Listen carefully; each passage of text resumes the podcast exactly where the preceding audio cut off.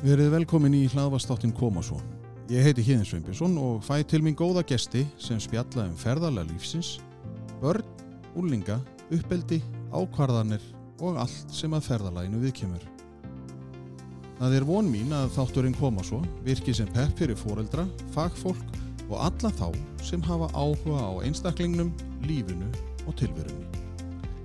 Já og velkomin í podcaststöðina og Viðmælindu minn í dag er svolítið spennandi Vestmanningur allavega uh, Rúllaði eiginlega hérna inn og það má náttúrulega fólk hugsa ha, byrjuðu ekki vetur en eigum við þá ekki bara að vinda okkur í þetta hver er viðmælendin? Já, takk fyrir það. Já, það er sem sagt þú átt núna Já, ég sem heiti Gunnar Karl Haraldsson. Þú heiti Gunnar Karl Haraldsson og Já, Nú verðum við náttúrulega að spurja eða nei, nú verðum við náttúrulega að segja forsöguna kannski ég hitti þig þegar þú varst að vinna í félagsmiðstunum Holtinu já, í Norlingaholti passar. og það er náttúrulega þú ert náttúrulega merkilegu maður fyrir ákveðna sakir að, Já. fyr, að mér finnst sko Já, og það er að þú ert náttúrulega ungur maður ekki svo gamall er það 25 ára. Já, nákvæmlega, það er, ég, þú veist, ég er rétt 29 við erum- með báðum í glerum Já. það er mjög við erum Það, nettir sko. það er gott. en þú ert í hjólastól Já, þannig að núna er, það, þú saði nú reynda hvað, býtu, það er eitthvað, þú ert búin að vera í hjólastól hvað þá, eða sem sagt, hvað, hver er saga þín svona áður en við fö- höldum lengra uh, ég greinist með sjúdóminn því ég er átta mánada held ég. já ok, og býtu þegar þú segir greinist með sjúkdómi þá er þetta hvað Þetta er þetta ég greinist með neurofibromatosis eða þetta er kallað líka bara E, NF1.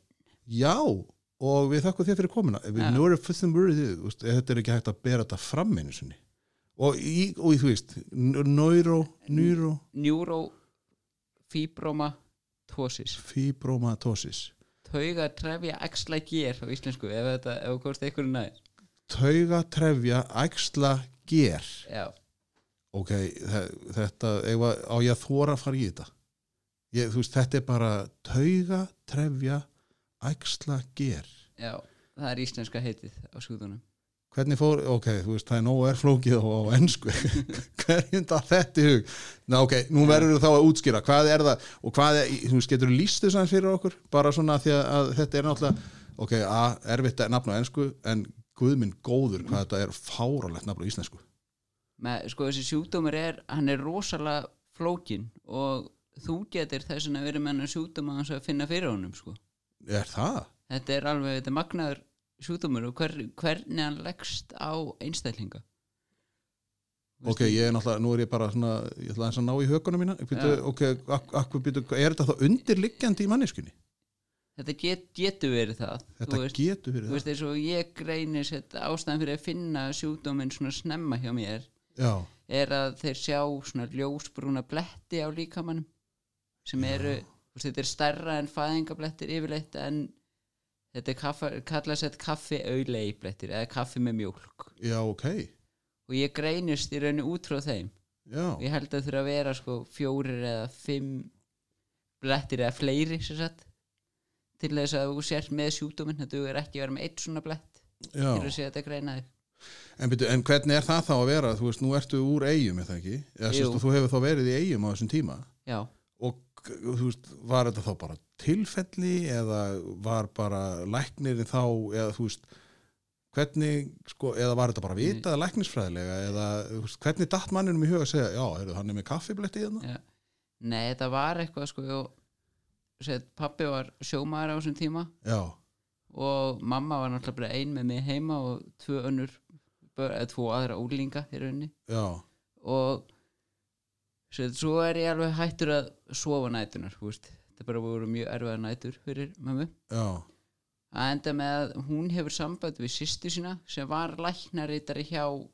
einhverjum barnalækni eða eitthvað svoleiðis henni í Reykjavík já og þar með fæ ég strax tíma hjá sérfræðing en mamma fær náttúrulega tíma með mig hjá sérfræðing já, og hann finnur þessa bletti og þá kveikir hann þegar hún er búin að lýsa og stegið sér ekki að sofa nætunar þetta, hann er bara tekin í almenn, almenna skoðun já og greinist þar með með þennan sjútum ég held að ég sé að segja rétt frá þessu Já, já, þá bara, þú veist, er þetta góð saga Já, bara þú skammar veist- mamma mig. Já, Eða þetta er nákvæmlega, eitthvað. já, nákvæmlega, en það er það svo sem ekki, ég veist, maður er bara ánæður ef að næsta spurning þá hlýtur að vera ef þetta hefði ekki uppgötast þá þau varst átt, þú veist, hefði þá þetta orðið geta sko, hefði geta orðið verri eh, sem sagt, að því að nú þetta lýsir sér væntalega að þú ert þú veist, þú lappar ekki, eða þú veist, er það eh, hva, hvað er það sem gerist við, við sjúkdómin, eða þegar þú sko færðan Uh, það veit enginn í rauninni hvað gerist þú greinist bara með hennar sjúkdóm Já. svo er bara spurning hvernig hann þróast Já, þannig að í rauninni þá hefur þau kannski ekki törst að vera í hjólastól Nei, eða, þú nei, veist, nei. þannig að þetta er bara ja, vitt og breytt eins og bara að fá flensu eða, þú veist, það er ekkit, eða, þú veist, Þú að það er, maður veit ekki neitt nei, þú veist, og svo er bara tíminn að leiði ljós hvað gerist Já, ok, en, en, en var eitthvað þannig að það var talað um að, þú veist, var þetta þú veist, var gott að þetta eitthvað að snemma eða þú veist, eru, að því að maður er alltaf getur ekki tekið töflu við þessu eða þú veist, var eitthvað Nei. þannig sem þetta, þú veist, hvað var það þá gert fyrir mömmuðina veist, það að því var, að- og þig, ég menna, hlýtur að vera erfitt að geta ekki sofið það var bara rosaleg óvissa á þess- á þessum tíma svo sko ég man eftir að hafa séð eitthvað myndbönd að mér sem eru tekin 97 held ég þegar fjölsýðan fóru til einhvern tímann til útlanda saman það Já. var allir með vídeokamerunum með spólunum í þannig að- Jú, jú, VFS bara eða, eða VF8 eða hvað þetta hérna Já, og svo varst það, það, það setti ég bara fóða spóluna og þá manni er eitthvað myndið að- mynd- myndbönd af mér það sem ég er hlaupandi um sko og þá er fóturinn á mér annar aðeins svona byrjar að vera öðruvísi útliti Já, og þá er að byrja að myndast húðæxli sem er þú veist, eitt af einkennunum af sjúkdónum já, og svo kemur það þú veist, svo koma bara svona eitt einkinn að öðru svo greinist því með ríkstjekju og svo finna þær æxli í kviðnum að mér sem er góðkynja já og þú veist þetta er, þetta er svona kemur bara svona bara, svona- kemur, kemur bara svona eitt og eitt og eitt í einu í Já, rauninni. já. En, en þannig að það er kannski að að fyrir mömmuðin og pappa þá náttúrulega var þetta bara, þú veist, ok við höldum bara áfram Já. og kannski sem betur fyrir áttu voruð þið búin að vera með tvo en varstu þá erfiður bara yfir höfuð Nei, þá er ég nú ég bara að held- hugsa um, þú veist, að því að, að því að nú ertu frekar glaðlindur maður, eða þú veist, þú ert með gleði, maður sér það alveg á þér og þú ert bara, þú veist, augun þín eru bara, þú ert bara brosandi Mm. og það er bara svona, maður finnur alveg það er stuð í kringu þig, sko, já, já, þannig að þú ert ekkert svona, þú ert ekki leiðilugur nei, ég vona ekki þannig að, nei, þú veist, að, að, að það hafi verið, sko að, að kannski eitthvað svona ákveðin ró fyrir mömmun og pappa að, að þú veist, hvort að þau hafi eitthvað svona gefið þeim tröst eða þú veist hvernig, af því að þetta það er náttúrulega ekkit, eh, þú veist, ég ólst upp náttúrulega við, með fallaðan bróður en ég náttúrulega eiginlega sá hann aldrei sem fallaðan skilur, Nei, fannst nei. þetta bara ofur eðlilegt að maðurinn væri bara, þú veist hann átti skó eins og gúff í andarsbljónum sem að mér fannst geðvegt, sko þannig að skilur, þetta er svona, það er svona hluti sem að maður kannski lærir bara, þetta er, þetta er hart já, já, þetta er það þú veist að því að fyrsta spurning náttúrulega er, er barnið með tíu fingur, tíu tær og þá er maður bara allt í lagi, þú veist, Já. þá er maður bara good to go sko. en þannig hvernig var, það? þannig að þryggjára segja, þú veist, þú sér myndbandaði þryggjára og svona, en, en manstu hvernig þetta var þú veist, leikskóli og svona, að því að þú ert náttúrulega í- ferð í skólan, já, sko ég man, þar sem ég man svona helst var ég, ég byrjaði svo snemma með spelkur já, til þess að hérna, að styðja við fætunum að því ég var svo valdur, sko já og man svona, veist, ef ég datt í leikskólanum þá gat ég eiginlega ekki staði upp sjálfur já, en þú veist, ég gat samt alveg hjólað og verið svona, ve- ég gat alveg verið virkur þú veist, í, í Já, leikskólum, já, já. ég, man, ég man það alveg sko, já, þannig að þú alveg, þú veist að það var ekkit, krakkarnir voru kannski ekkit að pæla í þessu, þú bara dast Nei. og svo bara kom einhver að hjálpa þér og svo já, bara, já svo varst þú bara eins og allir hinnir og það bara, þú veist, svo hjólar bara og, já, það er ein minning sem að situr rosa fast í mér, ég man svona með að sjá hvað stjætt þetta var, þú veist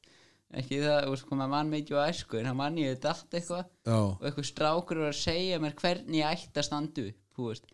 var þá að sína hvernig maður setur annan fótinn upp og þrýstur hann að læra á sér til þess að fá stuðningin Já, það bara þegar þú varst bara í leikskóla þá já, já, já, veist, já, en ég veit ekki hvað strákur þetta var sem Nei. að saði mér þetta já, en ég man, þetta er eitthvað svona moment sem ég man sko. já, og þá var ég mynd fastur í örðinu sko. já En ákveðis, það er svona sætt að, að- að viðkomandi hafi bara komið og, og vilja vera góði við þig já, þú veist, Þannig að þetta hefur verið svona að, en, en þú hefur náttúrulega væntalega ekkert verið að hugsa það Ég meina, þú hefur Nei. bara verið, þú veist, þetta hefur bara verið eitthvað já, já, og svo fekk, ég voru rána ég veist, með hugsa tilbaka í dag hvað mamma og pappi leiði manni bara að vera frjálsum, þú veist, Já. og maður fekk bara að gera það sem maður vildi, þú veist, úti Já, þau hafa það væntanlega ekki pakkaðir í bómul. Nei, og bara ef maður rakst á einhverjar hindranir, þá bara gerðist það, þú veist, Já. maður, maður fekk bara að fara þangað sem maður gatt En, en er það ekki svona, hug- eða því að þegar þú segir þetta, þegar þú hugsa tilbaka, þú veist, hvað hef, sko það eitt að læra að þú veist, já, já, þetta, nú ert þú bara, þú veist, gjör svo vel, nú verður þú að finna, hvernig ætlar að komast yfir þetta, hvað ætlar að gera? Þú veist, það er náttúrulega mamma henni og pappi kannski ómeðvitað, eða ég maður veit það ekki, við þurfum að tala við þau þá, þú veist, líka, að, að þetta með sko þegar þú færð þetta í farteski þú, sko, þegar þú hugsa kannski sjálfur tilbaka þú veist, vastu þá bara þú veist, já, að því að þú ert að gera hluti núna í dag sem er bara, þú veist, akkur ekki nákvæmlega, nákvæmlega sko ég held að þetta er líka verið svo komst inn á þann, að vera líka frá Vestmanniðum, þú veist já, ef- og þetta á við öll- mörg og er öll svona lítil bæi fyrir út á landi maður er svo frjáls já, að fóldrinu þurfa er ekkit að hafa áhyggjur af manni nei, nákvæmlega og kannski sérstaklega ekki í versmanniðum að því það er bara, þetta samfélag er náttúrulega þá spyr ég náttúrulega Já. þessar hefbundur spurningar, varst að spranga og svoleiðis nei, Ek- þú veist, ég, ég, ég, ég, ég hefði geta klifrað upp í Þú fyrsta hefðir ekki- hæðina nei, já, en, og það var enginn að hjálpa þér eða? nei, það var eitthvað að minna um það ég, ég var líka heima svo langt frá spröngunni sko, ég myndi ekki nenn að labba á hanga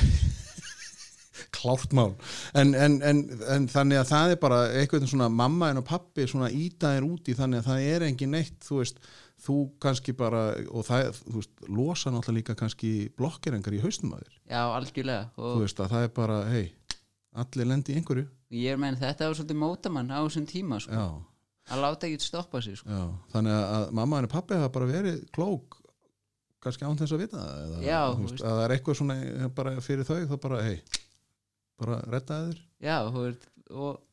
svo var það líka, þú veist, ef mann pappur vinnu bara "Ah, hrindi af hann já, ná, hann hann- hann getur þetta En hvernig var þá, sko, svo byrjar í skóla Hvernig var það, þú veist, voru og voru krað, þú veist, varstu í hamarskóla eða varstu í grunnskólanum? ég var í hamaðurskóla Já, eru þetta opnir út? eða? nei, nei, nei, nei, nei, nei við erum alveg inni ok, ég heyri ekki mér Nó, hvað slags er þetta? Það er bara, þú, átt, að- þú ert allavega alveg vel inni hjá mér, sko, þannig að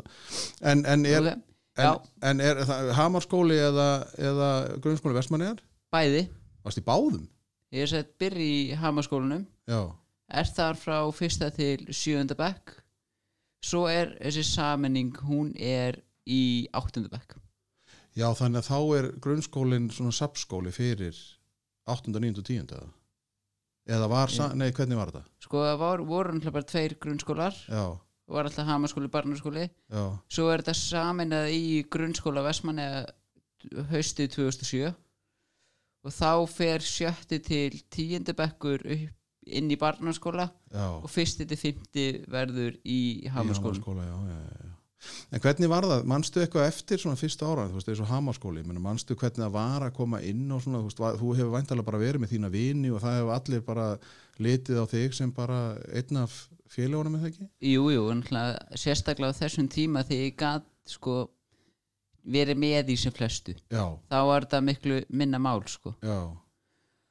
En hvenar, hvenar er það, manstu hvenar það breytist? Er það þá þurft án eldri eða, það er svona upp úr ég byrja að setja í rosa miklu lækna svona upp úr fjóruðabekk já, og þá er bara ein til tvær stórar aðgerðir bara á ári ég væri með að tala ykkur veist, ég fór í fjóra aðgerðir held ég í grunnskóla þar sem ég var sex, sex vikur í gifsi á báðum fótum Þú um veist, Já. það mætti náttúrulega í skólan í átta vikur nei. Og var það þá bara til þess að reyna að rétta eða gera eitthvað, þú veist, þannig að vera það, þú veist, þannig að þú gætir nota lappirnar eða þú veist, hvað Já. var, þetta er náttúrulega mikið fyrir krakka í fjórðabekk. þetta er bara galið sko Ha, svo eða þetta var svo út að þá var mjadmæliðurinn ónýtur hjá mér já, og til þess að halda mjadmæliðunum þá þurfti að gifsa annan fótinn og hann var svo þungur þú veist, ég hafði ekki kraftin í honum til þess að halda honum og þá var hinn fótur gifsaður til að setja stöng á milli til þess að halda mér alltaf í lið sko. og þetta var vonandi gert í desember þegar var mestu snjórin, eða ekki? Það- ég lendi einu sinni í sig við sumarið Ó, það, jésús. en það var háum sumar það var mjög fint í bök og Já, horfa á ok. allan fótboltann. Já, þannig að það var svona þólanlegt, þú Já. gast alveg, já, ég má vera inni. ég maður það, það var eitt sumar þetta var sumar 2006 Já, það var háum alls eh, í mánuð og já, já, þannig að þetta og ég var, bara, má, ég var þú veist, viku inn á spítala í Reykjavík já, já, ég fyrir nokkra dag í eigum og svo bara mánuður heima bara fótbolta já, þannig að þetta, þetta var svona þólanlegt. Já, þú hefur verið þetta- þetta 12 slapp. ára, 12 ára þarna. já, Ég sagðist ekki vera fættur eftir 94. jú, 11 ára 12 ára Já, en, en, en, og var, var þá kannski skólagangaðin bara í þessu, eða þú veist, eða svona eftir fjórðabekk? já, ég ger, gerir ráð fyrir að ég hafi verið nýju ár í grunnskóla það hafi verið ár sem ég hef verið bara frá vegna Já, veik, bara út, já, já, veikinda og aðgjöra sko. já, já, já. En ha- fannst þér þetta, þú veist, ég veit náttúrulega að þetta háið ekki í dag, af því að þú ert náttúrulega bara í meganámi, en, en hérna, var það þá, þú veist, eins og þegar þú ferði upp á úlingastíð og svona, þú veist, hvernig var þetta? Hvernig var þetta að vera alltaf kannski, eða, þú veist, ég veit ekki, jú, spurningin er, þú veist, varst þú meðvitaður um að þú værir alltaf í burtu? Þú veist, og þegar þú komst inn að þá bara, uh, krakkarnir komnir einhvers staðar bara, og þú einhvern veginn bara, já, ég er búin að læra eitt, hérna, Já, ég var kannski ekki beint meðvitaður um það hvað ég væri búin að vera lengi í burtu nei. en svona þegar að var fyrir að líða á að var rosa sport að vera í sjötta bekk og þurfa ekki að mæta í skólan sko. Já, þetta Þú veist. Best í heim en, en þetta var komið á 5-7 viku og maður var búin að, ekki búin að komast út í frísloft í 5-6 vikur þá var þetta alveg orðið ókesslegt Já, sko. þá, það, er alltaf, það er alltaf svona dekkri hlið á, á fr- þessu skrópir, eða þú veist, þegar maður þarf ekki að mæti já, Ha. já, þá byrjar maður að vera alveg bara, já, þetta er alveg ágætt Og þá- En, en voru krakkarnir ekki duglir að koma til þín og svona, eða var eða hvernig var það, manstu eitthvað eftir það því? var náttúrulega þú veist, alltaf ákveðin hópur sem að kom svo þegar ég lendi í þessu í á úlingastíð þá gerðu þau set, kennarannir sem voru yfir árgánum hjá okkur þannig er náttúrulega báði skólinir konni saman Já, að þá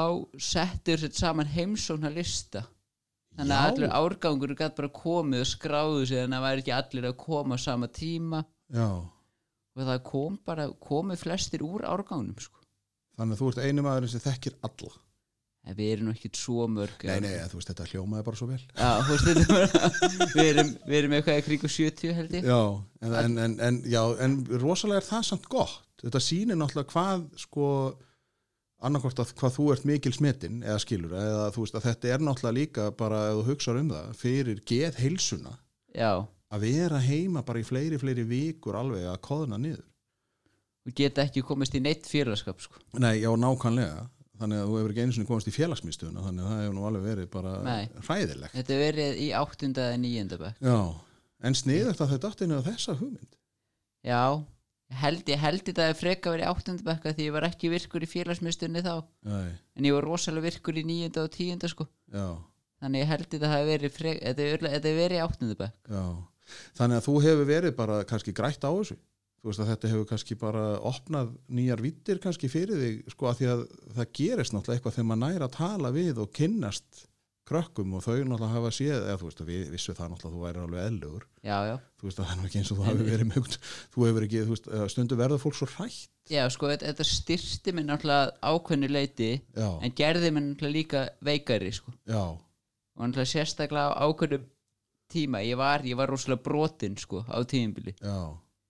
þú veist, ég var með minnsta hjarta í heimi, sko, Já, já, auðvitað, en ég meina, er Þú veist, það ég- ekki eitthvað svona að maður er, þú veist, maður verður viðkvæmari? já, þú veist ég, ég var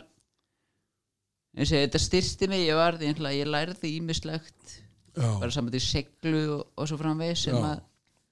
sem að við getum komið inn á eftir að því Já. nú- nú er ég alveg að fara að segja þetta í þriðja fjórðaskipti að því að það sem þú ert búin að vera að gera það er bara, maður er bara heillaður ekki það, þú veist, þú ert ekkit öðru í seltan allir aðrir nei, nei þú veist, þetta bara, eins og þetta styrsti mig á ákveðnu leiti en samt, þú veist, náttúrulega brotnaði ég líka á öðru leiti, þú veist já, maður var kannski minni í sér og hafði minna sjálfströst en maður var samt einhvern veginn samt einhvern svona ákveðin drifkraftur sem að maður lærið á þessu sko já, en ég meina samt sem aður ef þú hefur verið, sko, þetta hefur verið í áttundabekk og svo hefur verið í, til dæmis í félagsmyndstun í, í níund og tíundabekk, ég meina það er náttúrulega mikið að segja að Já, já. fara þá allavega og, og hitta liðið já, já, þú þetta, veist, þú að spila púl eða hvað sem maður gerir í, þú veist, og bortennis eða hvað sem þú hefur gert þá til þess að, að hitta liðið, af því að þetta er náttúrulega bara lífæðin já, já og svo bara eins og ég verð, verða að koma inn að það hvernig skólinn var á þessu tíma en það var útbúinan yfir heimsonarlisti eitt árið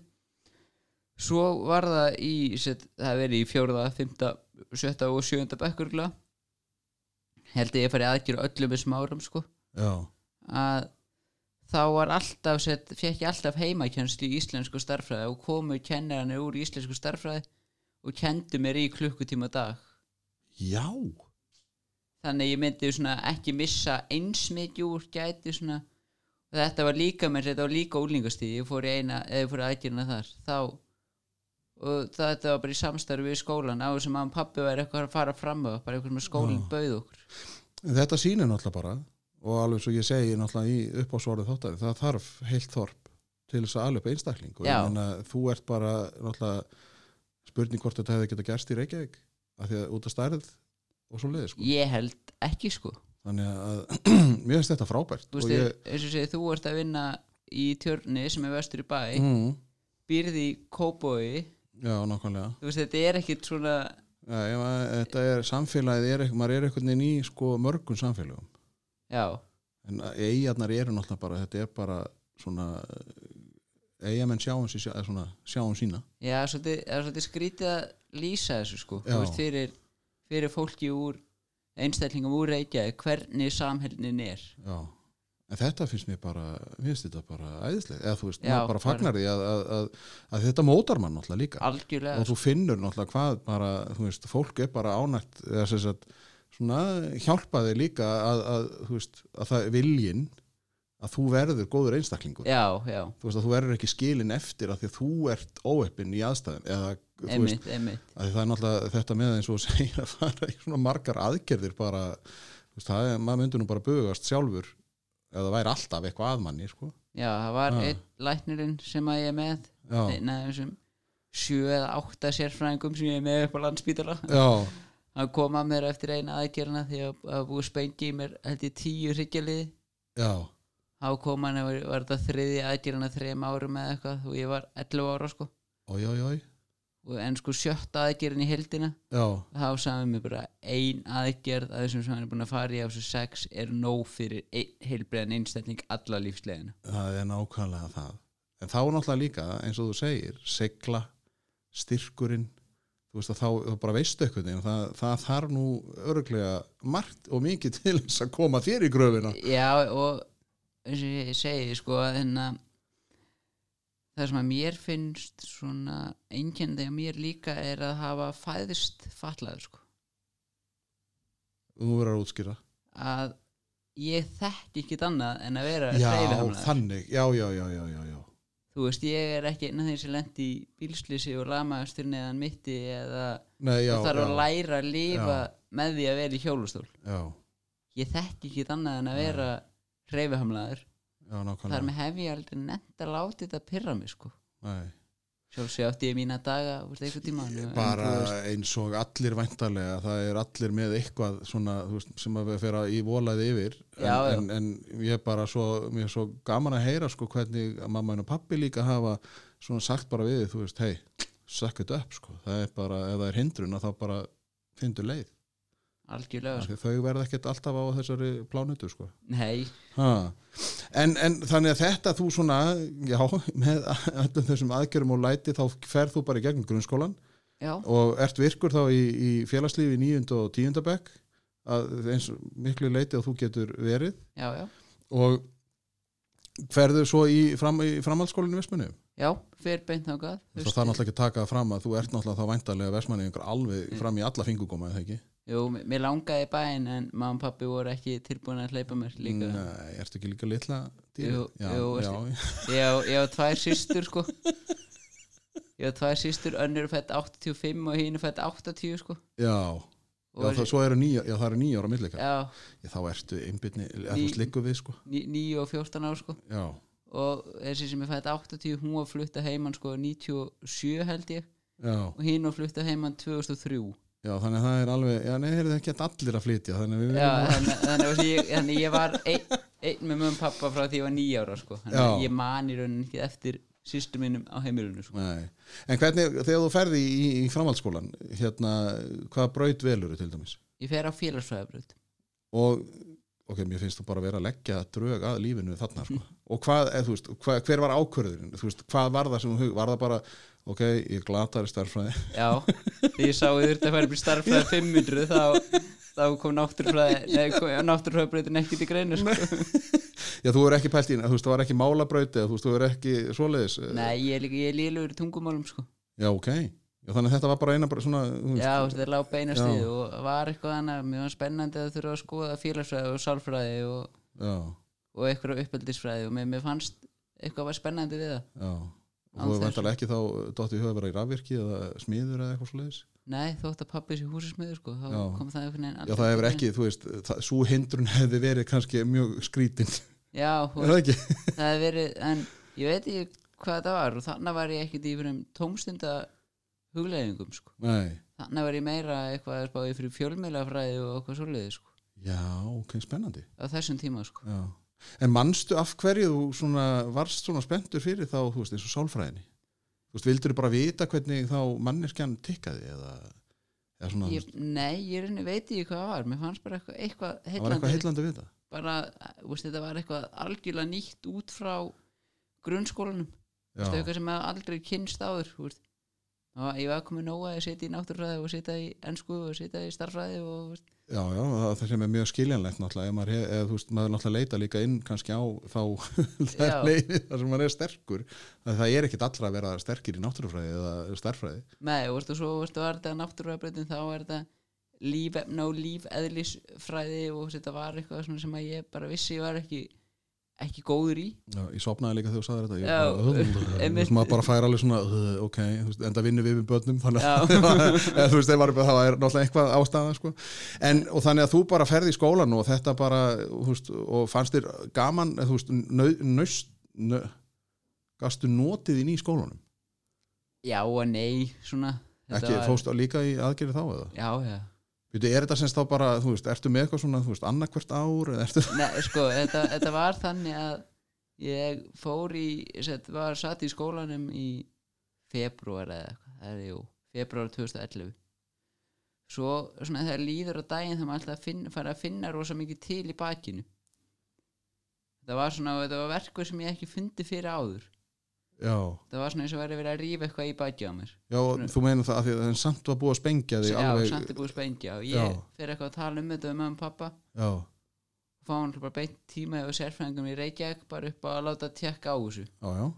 þá kemur í ljós og spengingin er byrjað að losna Nei, það var einn skrúan svona að byrja að nuttast út úr pinnu hjá mér. æj, æj, æj, æj, æj þannig að það er náttúrulega bara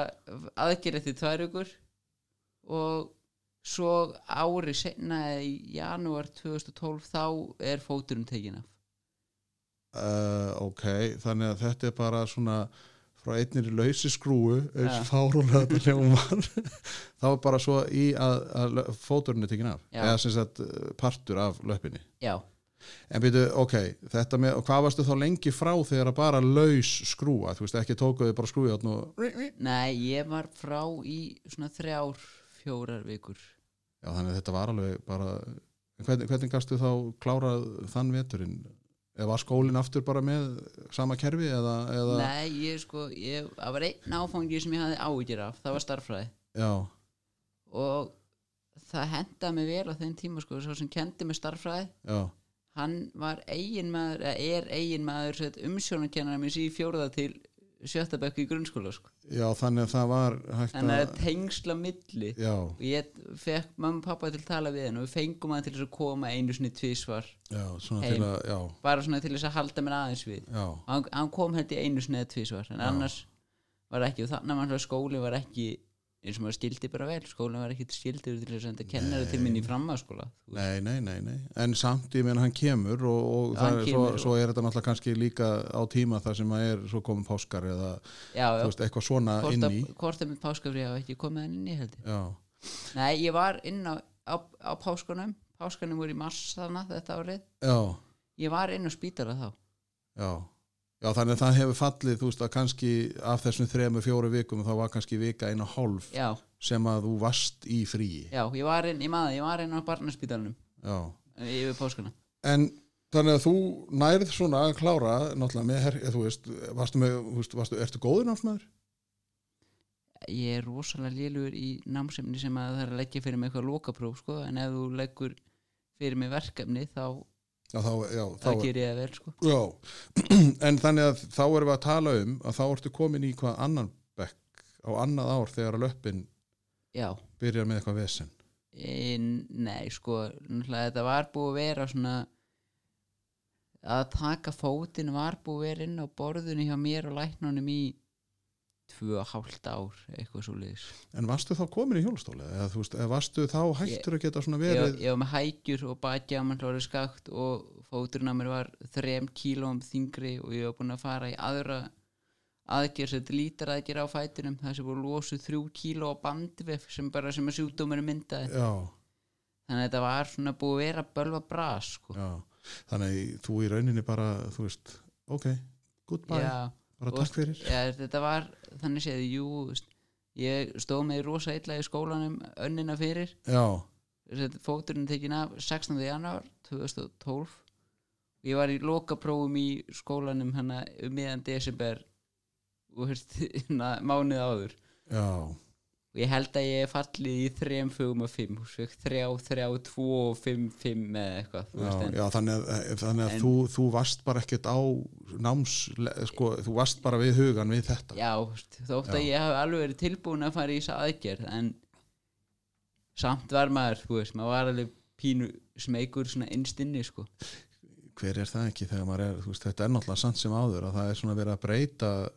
þó útlitinu örlítið meira heldur en Já, vennulega það er líka að taka þér fótinn sko. Já. Þú veist, það er svona þó svo að það eigi eftir að létta lífið að hans í tekin miða við hans í þrjú kíló Já, og veist, það sem var af að þrjú, þreim kílum þingri en hinn fóturinn já, og hann var tíu sentum stittri já þannig að þetta var bara hann var bara til trafala ef við hugsun það í dag já, já, þetta var þannig að þú ert bara nokkuð sáttur svona eftir á bara já, en, en auðvitað náttúrulega fyrir dreng sem er 17 ára eða þú veist, þú ert bara einhvern veginn uh, já, og svo vitandi það veist, og það er líklega að vera hálft ár í endurhæmingu og já, veist, að því, það var ekki bara að fara í aðgerð 16. janúar og svo útskjöðast að spítala tveim ykkur seinna og bara maður er góður sko. neða þú bara alveg hérna á, á bara einhvern blæjubíl í Vestmanni og maður bara, hei, ég er komin tilbaka ja, þetta, þetta, þetta, þetta, var, þetta var ekki svoleiðis Já, þannig að þetta hefur, þetta hefur þetta náttúrulega kannski bara áhrif, ég meina, þú, ert, þú veist þetta, þú Mm. veist hvað þetta er að fara að gera við þig já, þú veist og, veist, og, og enn ein svona uh, spítala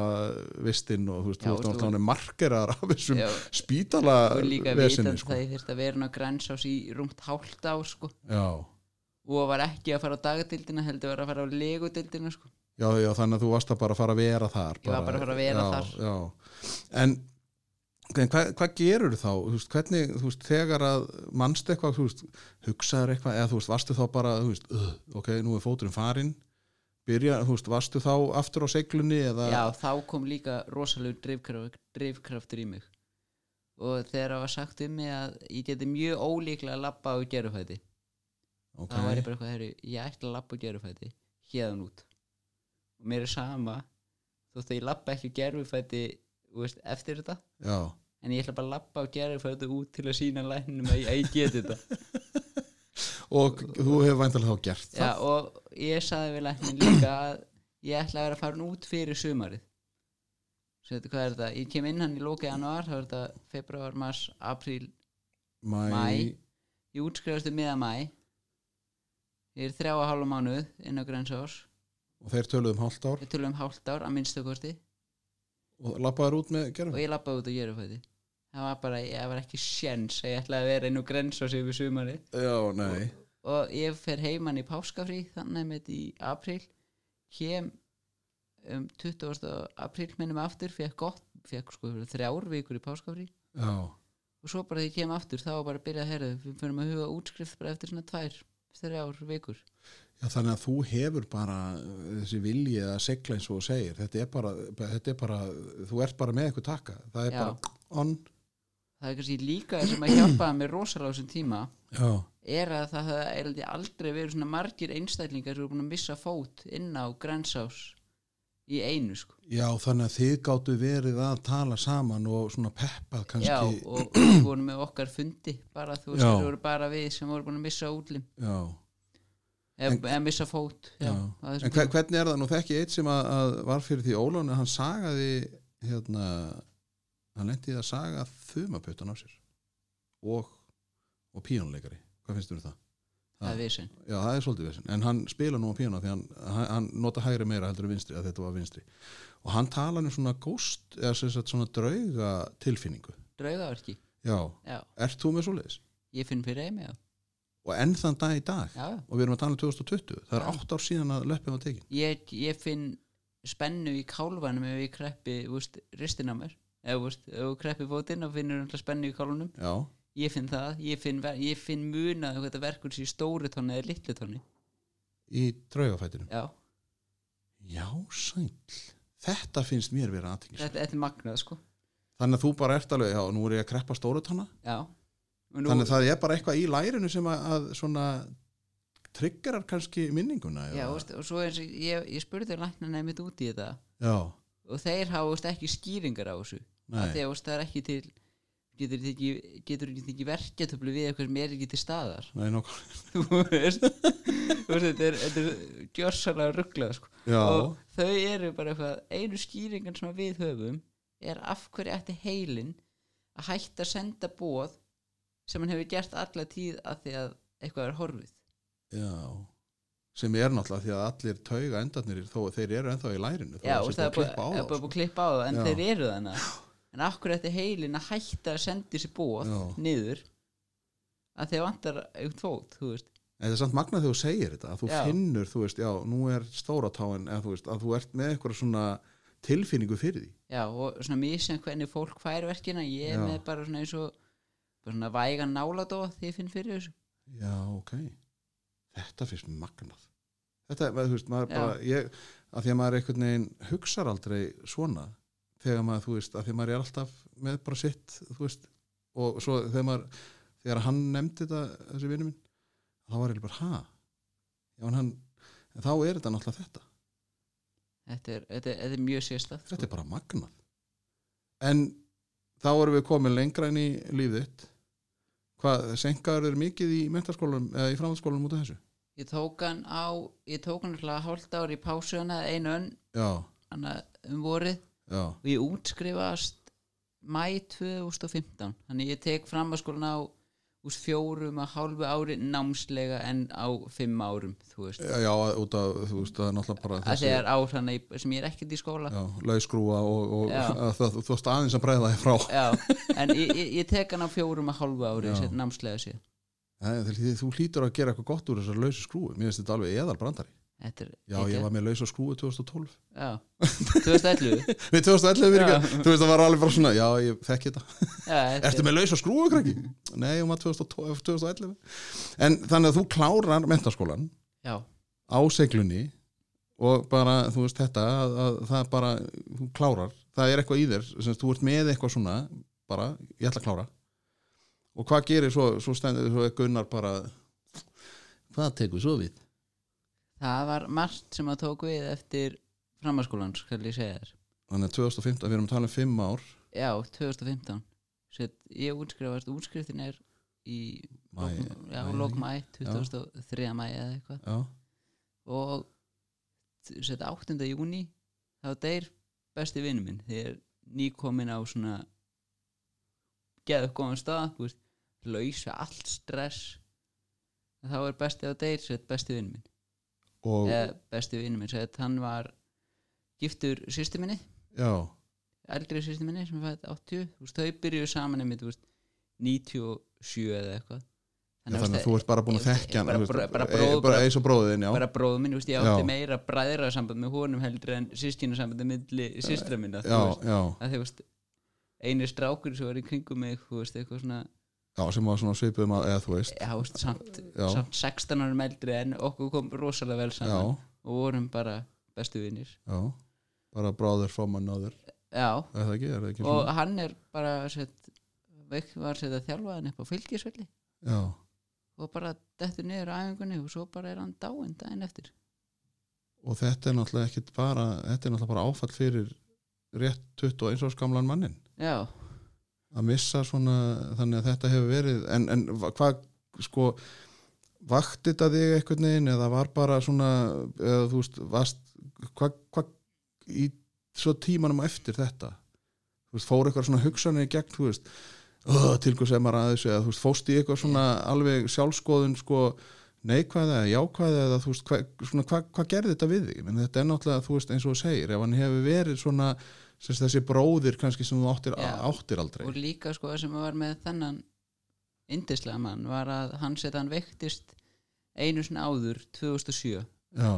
og var þá einmitt þú veist, ekki hreyfi hamlaðar eftir það, en þú veist, annar fótur hann var skattaður já, og hann var að upplifa sömu taugavert og ég var að upplifa og það var svona margt já, þannig að þið og svona þetta var svona mitt bakland þú veist, Já. þetta var svona þú veist, fyrir að því nú hef ég verið sko báðum með við þú veist, hórst á sjúklingur rúminu og verið sjúklingur í rúminu já, nákvæmlega Þú veist, það er ekkert hægt að gera sér grein fyrir hvernig sjúklingnum líður nei, þú getur svona nokkun veginn komið í hans spór en það er samt ekki hægt sko. nei, nei, þú hugsanar sem er að ganga gennum og þetta var svona eini einstaklingur sem ég hafði sem ég gæti að tala við um allt og hann vissi nákvæmlega um hvað ég var að tala sko. já, já, að því að hann var búin að upplifa svona eitthvað í skroknum sem að já, og þú, hann var sjálfur búin að fara í því ég fór í endurhæðingu á grænsar og hann sjálfur búin að fyrir endurhæðingu eftir sín fyrir veikindi já, þannig að, þú veist, þannig að baklandi sem ég hafði þá því ég var að bugast á grænsar þá var ég með hann, þú veist já, þá gaf- þú gafst tekið síman og, og tjekkað á honum Já, og, eða hann kom bara herru, ég kemur til þig með pítsu og spila FIFA þú já, veist. já, já, já, þannig að þetta hefur verið svona bræðra gott samband já, en, en, en fóstu þá í, þú veist hvað hva, hva gerðist hvað gerðist í þig, þú veist, þegar að þetta gerist svona fóstu, þú veist, eins og þú segir þú ert bara á góðum stað, þú ert búin að þú veist, bara giggit, eða þú veist, þú ert komið stúdinsprófið og, og svona svo bara, njóta þess að, ætlaði að fara að njóta þess að vera loksis ekki í skóla sko, já og vera bara frjáls vera bara svolítið frjáls og Já. þetta er svona, náttúrulega kýft undan manni fótunum já. og þá kemur bara þetta veruleika kall að já, einhver tíma þurfa allir menn að deyja já, þetta var sjómaðarshelgin og maður var svolítið sundið, mamma og pappi voru þú tennir íf já, og sýsti mín var í eigum hún fyrir náttúrulega beint í bæinn já, og til þess að hugsa um dætur hans sem voru heima í honum eða hann var upp á fylgisöldi já, já þetta, bara, voru þau þá skilin á þessum tíma eða? já, voru, það var cirka ár Já, já, já, já, þannig að það- auðvitað er náttúrulega maður bara gengur Já, í, í En málin, við- sko. en sambandi okkar var alltaf eins og Já, þeirra, já. þú veist, þetta Já, var já. bara þetta var, indi, þetta var rosalega svona fallegt Já, og hvað svo þegar að þetta er þessu öllu logið, þú veist, hvað svona, varstu þá bara, ok, hvað ætla ég að gera? já, bara eitthvað, ég kom mér bara í eitthvað svona mók að halda mér upptæknum Já, já, já, þannig að þú bara byrjar að gera þig, bara, þú varst bara busy, þú varst bara upptikinn. já, ég bara gerði allt til þess að, þú veist, ég mátti ekki degana en döðu stund Já, já, bara til þess að hugsa ekki um Bara til þess að hann hugsa- og, og, og það sem gerðist. já, Já, en, en fóstu þá eitthvað svona að hugsa kannski um á þessum tíma, manstu eitthvað eftir svona, varstu eitthvað að hugsa um lífið eða þú veist, hvað þú ætlar að gera eða þú veist, af því að mann alltaf, ég man alveg tilfinningur þegar maður var búinn með sko stúdentinn, maður var einhvern veginn bara, já, maður var frjáls já, en maður vissi ekkert sko, ég vissi allavega ekki hvað ég var að fara að gera. nei, mér langaði einhvern veginn að prófa, ég var að vinna í félagsmyndstu á svona tíma, út í Já. eigum Já, byrjaði þar sér 2014 janúar og var búin að vera þar um hlétt og hálft ár og svo fannst mér að mér vantaði eitthvað meira að gera en að vera bara að vinna á kvöldin já, Þú veist, eða það að vinna tvo dagi í viku eftir hádegi og svo þú veist, þrjú kvöldi viku þú veist, Já. það vantaði eitthvað meira nákvæmlega, þannig ég fæði vinna á frístundaheimilinu já, út í eigum og er þar alla virka daga já, bara frá hádegi og þang- til lókunar og svo í félagsmyndstunna á kvöldin já, þannig að ég kom mér í eitthvað svona mók alla dag, ég var alltaf upptekinn sko. já. En, er, en hvenar svo þegar þú þá komst þér út úr þessu upptekna móki eða hvað við maður að kalla þetta hvað er það þá sem þú veist, brotnaru nýður eða, þú veist, eða varstu þá bara náður bara að vinna því þann vannstu þig bara út úr þessu ástandi með því að vinna já eins og segja, maður, ég, það var svolítið svolítið sem að þetta gerist að þú veist, þessi, þú jafnaði aldrei á þessu en þú lærir að lifa með þessu Já, já ég, þú veist, það er náttúrulega það að, að maður svona, svo náttúrulega einhvern veginn, maður verður einhvern veginn maður saknar alltaf viðkomandi já, en þú lærir svona lærir að lifa með þessu og reyna að reyfa upp jákvæða minningar í staðan fyrir slæmi minningarnar þú veist, Þannig að þú ert kannski stundum heima hér og byrjar að ræða við hann Þú veist það já, hugsa til hans og Já. skoða myndir á hann og, og grætin á milli og Já. veist, og bara, þú veist, Já, ímsar tilfinningar sem koma ennþá fram í dag sko. já En það er náttúrulega indislegt Já, mér- mér... veist, og Maður verður náttúrulega líka að taka það þannig Það er náttúrulega mér, mér veist það jákvæmt ef Já. ég get hlusta á okkar lag og sé mynda hann og já. renna nú 2-3 tár sko, mér veist það bara að losa sko. Já, en það er náttúrulega líka því að hans kannski þetta með að það sem þið áttuð já, það er náttúrulega líka dýrmætt og það er enginn sem tekur það frá þér það er nefnilega málið sko. þannig að þetta er svona en hvað, en hvað þú veist, og hvað svo ég meina, hvað gerist þá eftir það á þessum tíma þú ert farin að vinna í frístuheimili þú ert farin að vinna í félagsmiðstöðinni þannig að ég álíkt að þú ert orðin bara aðal félags frítíma frömuður Vestmanniða á samt Sigþóru vinkona minni já, við séum þetta var svona þannig vetur þá er ég þannig á þessum tveimur stöðum já, og svo verður niðurskurður í félagsmiðstöðinni heima sér, þannig að það verður hópuppsögn og svo átti það að minka starfsprósentuna og eitthvað svona dæmi, maður ekki alveg hvernig það var sem er náttúrulega fáranlegt í, í, það er bara þannig að, því að þetta er bara mikilvægast að starfi í heimi að, að, algjörlega að sammála því veita einhverja þjónustu fyrir úlingarna og, og, og þessa krakka þannig að þú veist, það átti ekki að ráðin alla starfsmenn aftur og átti að ráðin einhverja færri í þá meiri vinnu af því við vorum með þetta þannig að voru margi starfsmenn en við náðum að dreifa vöktunum svo vel já, og þetta átti að vera ást áttu hvort við vorum átta sem vorum að vinna hana og voru tvei til þrýra vakt já, og átti að fara bara niður í þrjá starfsmenn eða eitthvað og vera þá og vera alltaf í vinnu þegar væri opið já, einmitt þannig að þetta var svona gríðarlega góður sparnaður já, og þetta var allan að pæla í þá og þá leiti ég á þetta bara, veist, ok, er ég tilbúin að fara í þetta eða ætla ég að fara í veist, að nýta, nýta tækifærið og gera eitthvað, prófa eitthvað nýtt já, þannig að ég fer hérna á háskóldaginn með sýstu minni hún er búin með tómstundu félagsmálufræði og rekst þetta á Jakob Frímann Þorstensson, þú þekkir hann eða ekki ekki, jú, jú Kann- heldur kann- betur, kannastu já, kauða já, jú, jú hann er náttúrulega hefur svo sem verið nefndur í þessu þáttum já, já, ásand vöndu eiginkonans ásand og ég set, hitti þau þannig með þetta á háskóldaginn já, og Koppi byrjar að reyna að selja mér tómstundfræðina já, útinámið og ígrunduninn og þetta sko sem hann já er ég er, en, úr, Koppi, ég er ekki að fara hérna hennar lapp við fjöll og svo yfir tjaldi sko. það, úst, það bara vir- virkar ekki þannig sko. Halló, sérðu ekki hvernig ég er? En hann var bara, já, mér er alveg sama, hann bara útvegaði ferðina þannig að þú komist í þær Nákvæmlega, það maður hugsar í lausnum og svo var ég bara, heru, já, þetta er geggjað, sóttum í HR, þú veist, í tölvunafræði og ég sóttum í eða sóttum í HÍ og sóttum í tómstundafræði svo sóttum í þróskatölarfræði og svo var ég eitthvað seinar til dagur set, umsóknarnar, umsóknarfræstur rann út þá sá ég munin sko HR og HÍ og gasta eru með þrjár virkar umsóknir í HÍ, nei HR Já, en var bara ein virk í, í HÍ já, þannig að þegar ég sótti um þróskaþjálfan þá var tómstundafræðan óvirk ups þannig að ég sem betur verið tók eftir þessu hinn daginn og breytti aftur yfir í tómstundafræði Já, og fór þá í það já, þannig að hún varð ofan og þannig að það var eitthvað, þér fannst eitthvað heillandi aftur við hana. já, það var eitthvað sem að ég En- veit, ég veit ekki hvað það var Ég ætla þá samt að spurja hérna drengin sem að var ekki hrifin að starffræða náttúrufræða svona. Akkur allar í tölvunafræði HR? ég tók einn áfanga í tölvunafræði í set, framhanskólanum heima Já, og fann skaman að forrita þess að búa til yfir svona javaskriftir í tölvu já, ég er alveg bara, þetta er sko, ok, þarna ertu aftur komin í eitthvað svona frönsku sko, ég, er Já. bara, ég skil ekki, þú veist, þetta er alveg bara bjónd. þetta, mér, mér, mér, fannst það, mér fannst það eitthvað gaman þú veist, þetta var alls Já. ekki flókið sem við vorum að gera en mér fannst eitthvað, eitthvað skemmtilegt við þetta þar, Já, en ég er samt ég er rosalega fein í dag að hafa farið í tómsendafræðinu sko. já, ég líka, af því að annars værir ekki þetta. já, Þá værir bara eitthvað tölvunarður eitthvað starf út í bæ. því að þetta er líka sko þú veist, maður er svolítið líka maður er að hugsa svolítið tvítur hvar fæ ég bestu launin sko.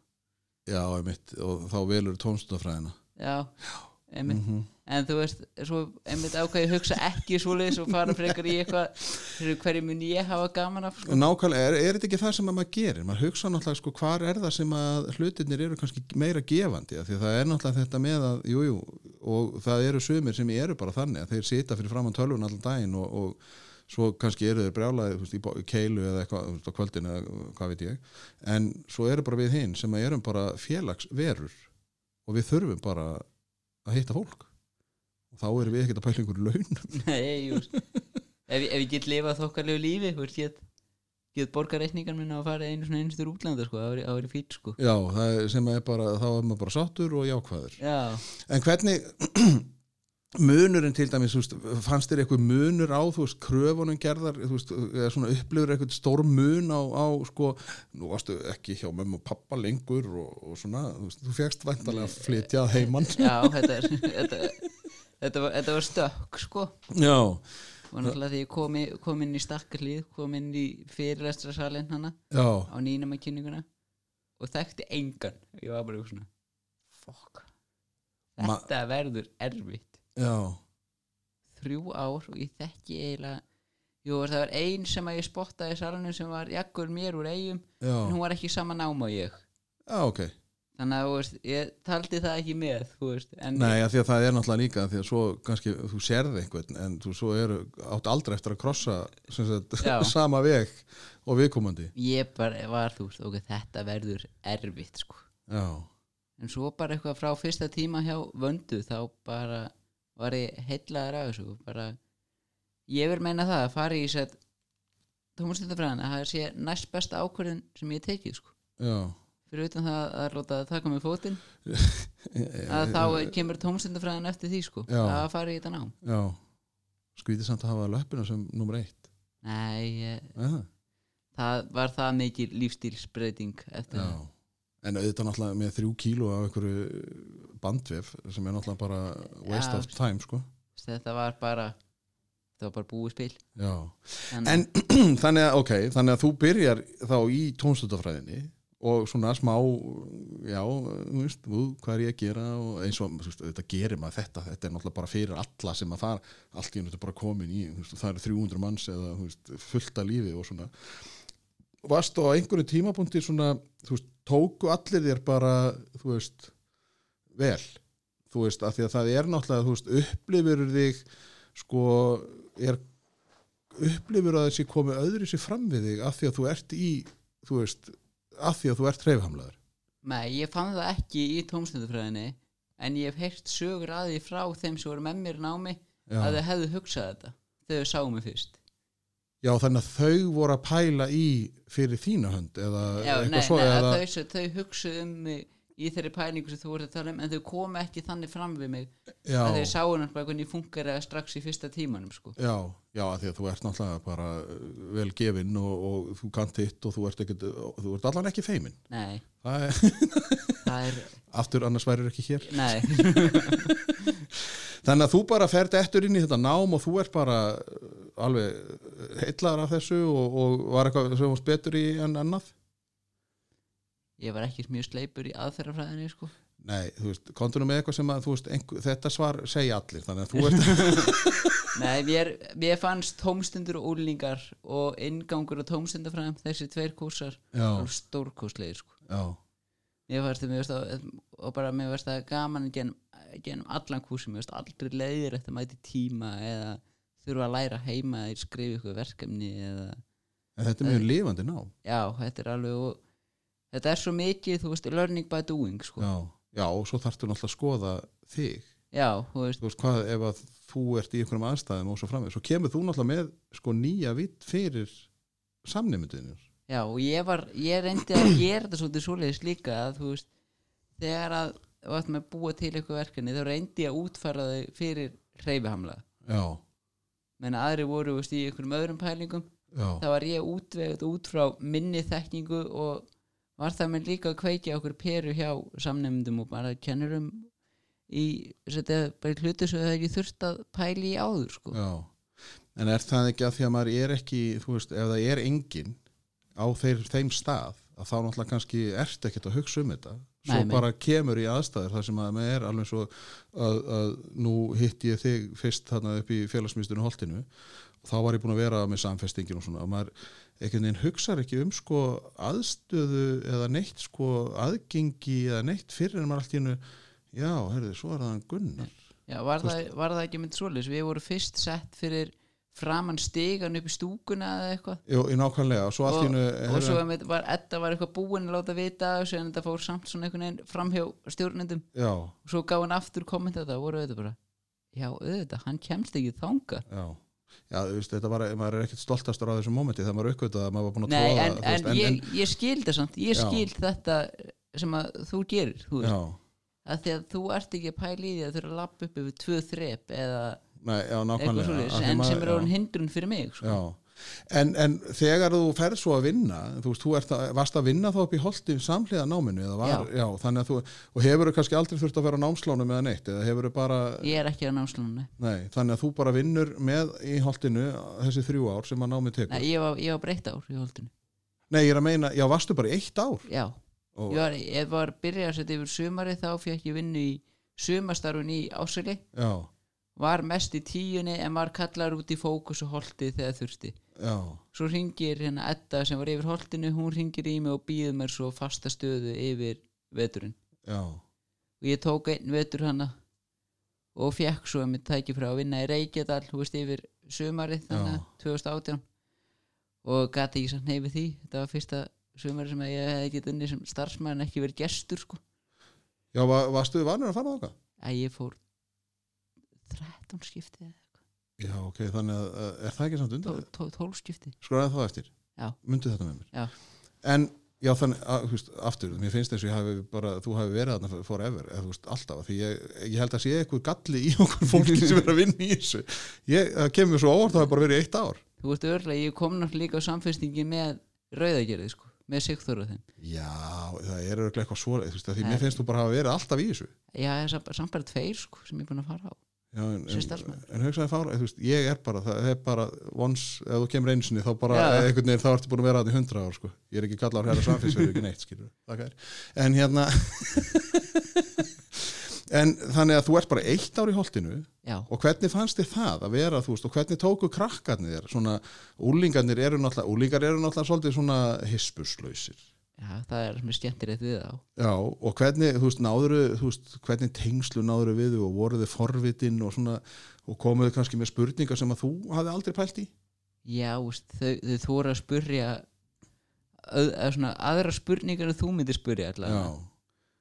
og voru, svona, voru pínu smeg fyrst sko, já, eins og leiðum að búin að ná þeim þú veist, já, að það gæt FIFA-leik eða borðtænsleik eða púl eða eitthvað og lendur spjallum og sínt að maður gat gerst ímislegt já, að þá voru þau miklu meira opinn sko. já. Já, þannig að þegar þau sá að þú, að þú veist, það er Nei. náttúrulega þetta með að þegar þú, sko, þó þú kannski getur ekki spilað fótbolta þannig að Já. þá getur þú spilað með, þú veist, þú getur notað hendurnar já, já, sem því að þú getur notað augun og heilan, þú veist að þetta er, það er þá bara önnur gildi eða annað sem þú hefur já sem þú og er svona styrkja. þetta var líka, þetta var þráskandi fyrir mig líka að koma inn í félagsmyndstu í Reykjavík þú veist, þekkjandi engan á úlingunum, Já, en eins og heim í eigum þá þe- veit, maður veit hver allir eru maður Já, veit, maður nákvæmlega. veit hver allir fóldranir eru þú veist, Já, mér finnst ég kannast í þig. Ertu Já. nokkuð... þú veist þetta, er, þetta, er, þetta er svolítið svona sem maður að já, hann er sonur hans Já, nákvæmlega, já, já, já, já. En ok, hvað gerur þá að þeir eru búin að vera þar í ár? Þá og er tek- þetta þá bara að samhliða fyrsta árinu í náminu? eða? öðru, Þetta er samhliða öðru árinu. já, Og hvað gerur þá þegar þú ert að klára, klára hérna tónstafræðina? þá tek ég bara pásu Já, þa- já, þannig að þá varstu bara einbyttaðir að, bara að því að klára já. Og, og það var bara, úst, varstu eitthvað, var það eitthvað stress eða varstu bara, þurftur þú bara aðeins að fá að fókusera á, já, ég var, ég var hrættu úr lokaríkjarna á þetta ég þyrfti meiri tíma já, og ég raunin sem betur fer sko uh, tók ég þessa pásu af því ég, ég veit ekki hvort þú vissi það en ég veiktist rosalega illa í desember 2018 sko. nei, ég vissi það ekki. ég, þetta er, ég er komin í jólafrí Já, og er ætlaði að vera rosalega duglur að læra í reykjarni hanga til ég færi heim til eiga þannig ég panta mig far út í eigar 22. desember 2018. 2018 en sett, 18. desember fínt að við ekki hérna núna kannski á, ég veit ég veit árni vita en ég var ekki búin að skrifa staf í reikjarni þá þá vaknaði ég eitthvað upp heima bara eitthvað upp úr háti gjössalega njóta þess að við erum verið í fríi sko Já, sendi eitthvað að vini mínu bara "Heyrðu, við verðum að hittast í vikunni að ég fer út í eigar því ég ætla að vera það lengi í burtu sko já, og það var allir er þetta eitthvað voða busy og eitthvað bara fæ ég verða að kíkja á dagatalið mitt og bara eitthvað og svo bara fer ég eitthvað inn á klósið heima og ég finn fyrir eitthvað svona í brjóstinu á mér, þú veist, ég finn eitthvað eins og ég þurfa að losa eitthvað en mér er samt eitthvað en ekki mála að æla eða þú veist, rosalega skrítin tilfinning ok, en ég fer eitthvað inn á klósið heima sting puttunum í kókja á mér og bara og næsta sem ég man þá liggi ég kuðum kliðin á klósiðinu og ég er bara eitthvað ok, hvað er að gerast hérna og það er ekki ælt eða þú veist, það, og það kom eitthvað upp úr mér, ég man það sko ok, já en þú veist bara, ég maður, svo vaknaði ég bara í þessum kuðung og ég ennlega veit ekki hvað leið langu tími eða neitt, ok, hugsaði að vera svona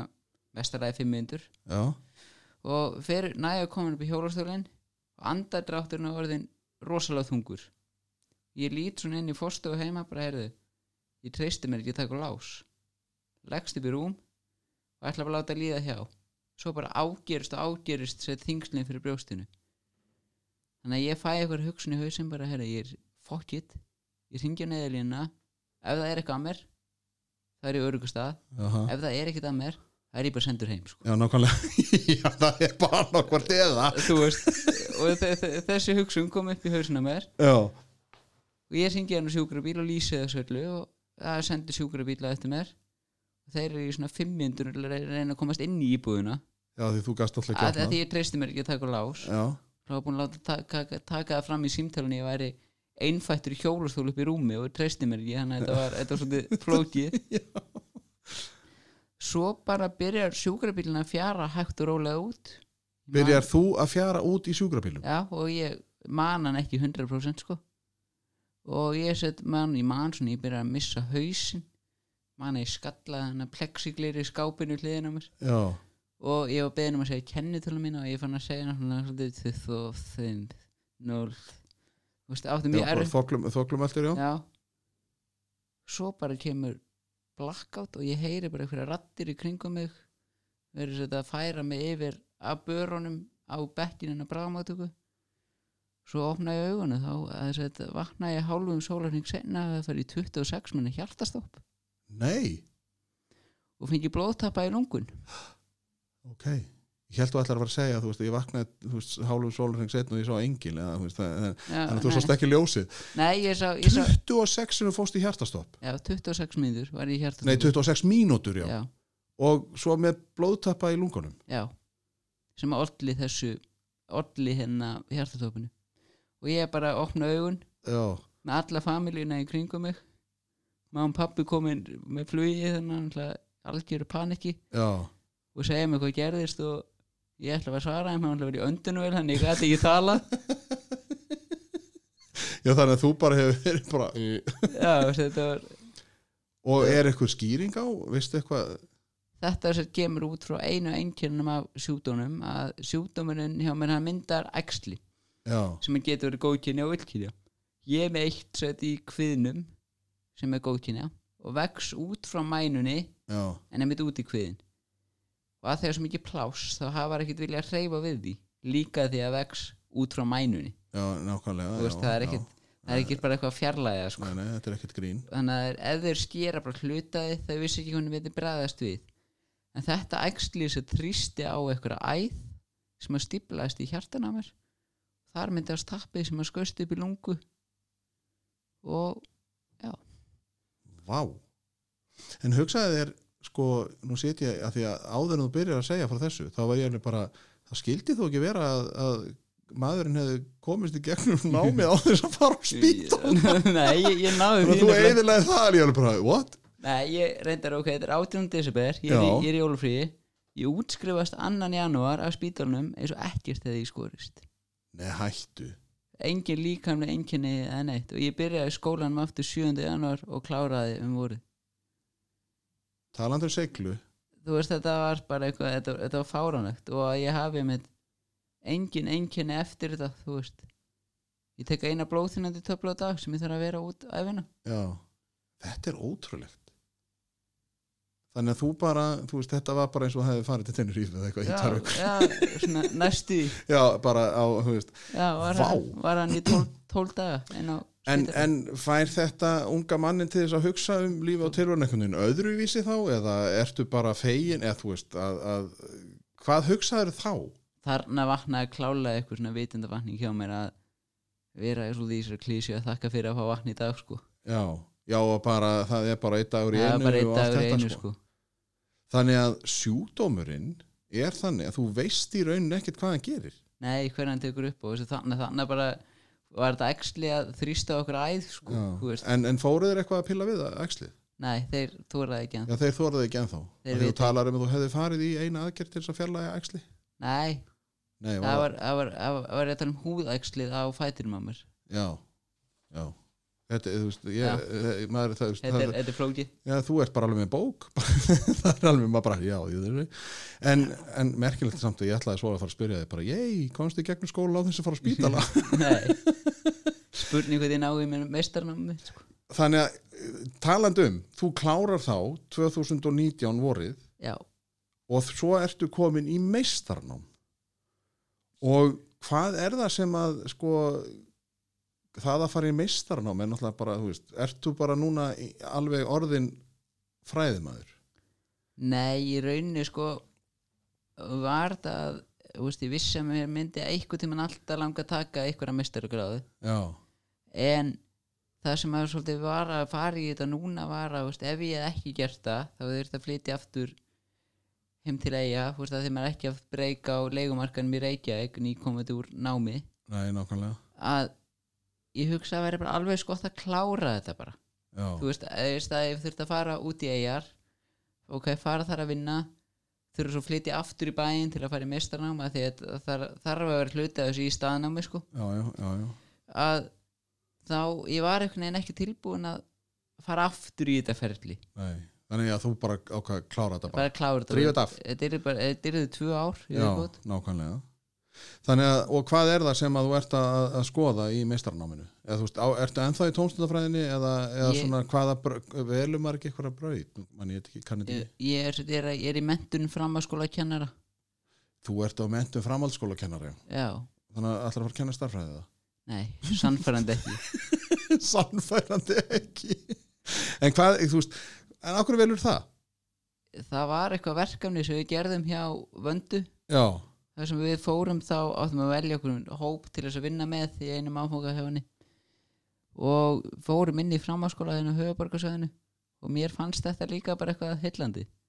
já þannig að aftur þá er þetta bara eitthvað svona Þetta er Þú bara bara, eitthvað- þetta er bara- vegurinn þinn er bara eitthvað svona þetta er bara, yey. bara eitthvað svona tilvæm að þetta er spennandi og svo veist, líka veist, þú veist ég fara ekki beint að kenna en, þú veist, alltaf gott að vera með kennsluréttindi sko. Já, þau gefa manni alltaf mikið sko. en þú er samt svolítið svona eins og að maður fer í namibúðin og svo bara, hei, þetta eh, hlýtur að vera gott Já, og, samt, og samt hef ég ekki náðu að droppa út sko. Nei, nákvæmlega, þannig að, ok, við ég segjum náttúrulega hitt, hitti alltaf á gott sko. Já, við segjum náttúrulega 7.13 að, að þú klárir þá svo farin á spítala það, haf- eða þá, þá er maður ekki dropp á þá er Nei, það er, það er eitthvað annað sko. Það er Nei, eitthvað nei, annað. það er svo bara ferðin aftur Þannig að þú ert bara komin í þá, þegar þú ert, þetta er önnur þú ert að klára fyrsta árið já, Hvernig er þá, ok, þá ég ætla, ég ætla samt að geima Reykjadala, því mér finnst Reykjadala er alveg frábært fyrirbæri, skemmtilegt það er mjög skemmtilegt fyrirbæri. Nú ætla ég að spyrja þig um sko þetta með að vera námsmar í Háskóla Íslands og verandi í Reykjavík búandi, ertu í stúdendagörðum eða ertu Já. sko ég býð þar að sæmi þetta guti Já, hvernig er fyrir mann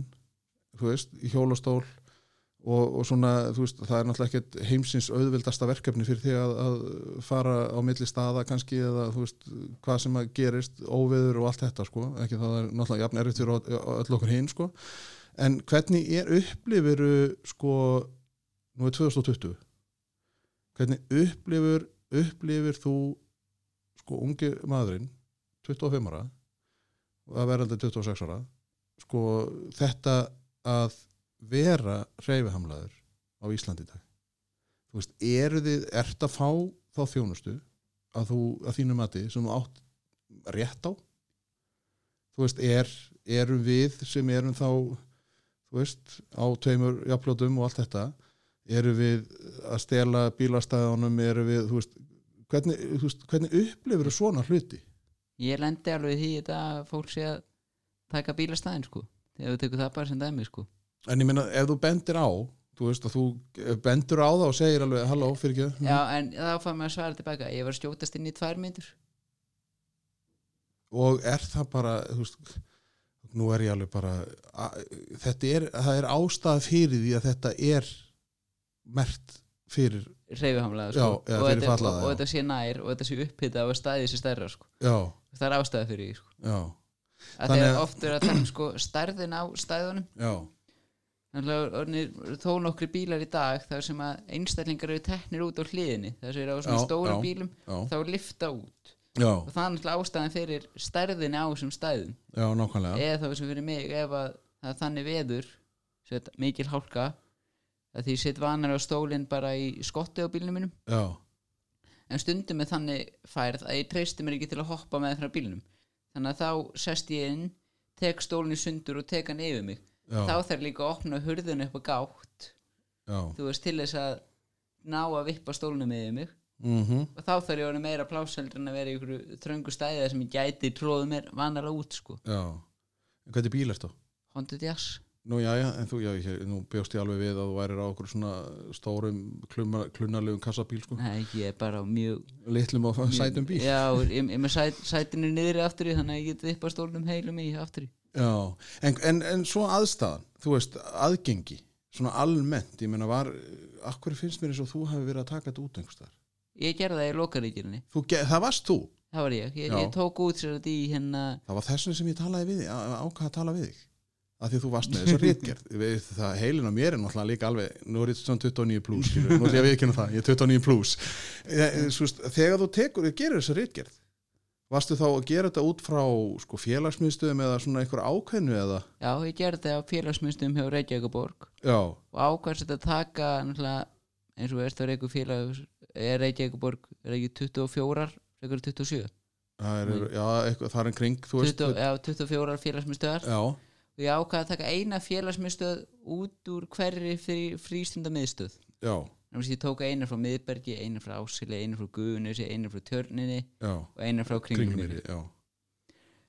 og það var alveg áhæfara niðurstur og ég tók þetta svolítið en- út frá henduleika úrtæki, þú veist bara út frá þekkingun sem ég hafði, já, að því ég vildi ekki bara sína slæmt, ég vildi líka sína gott sko. já, já, já.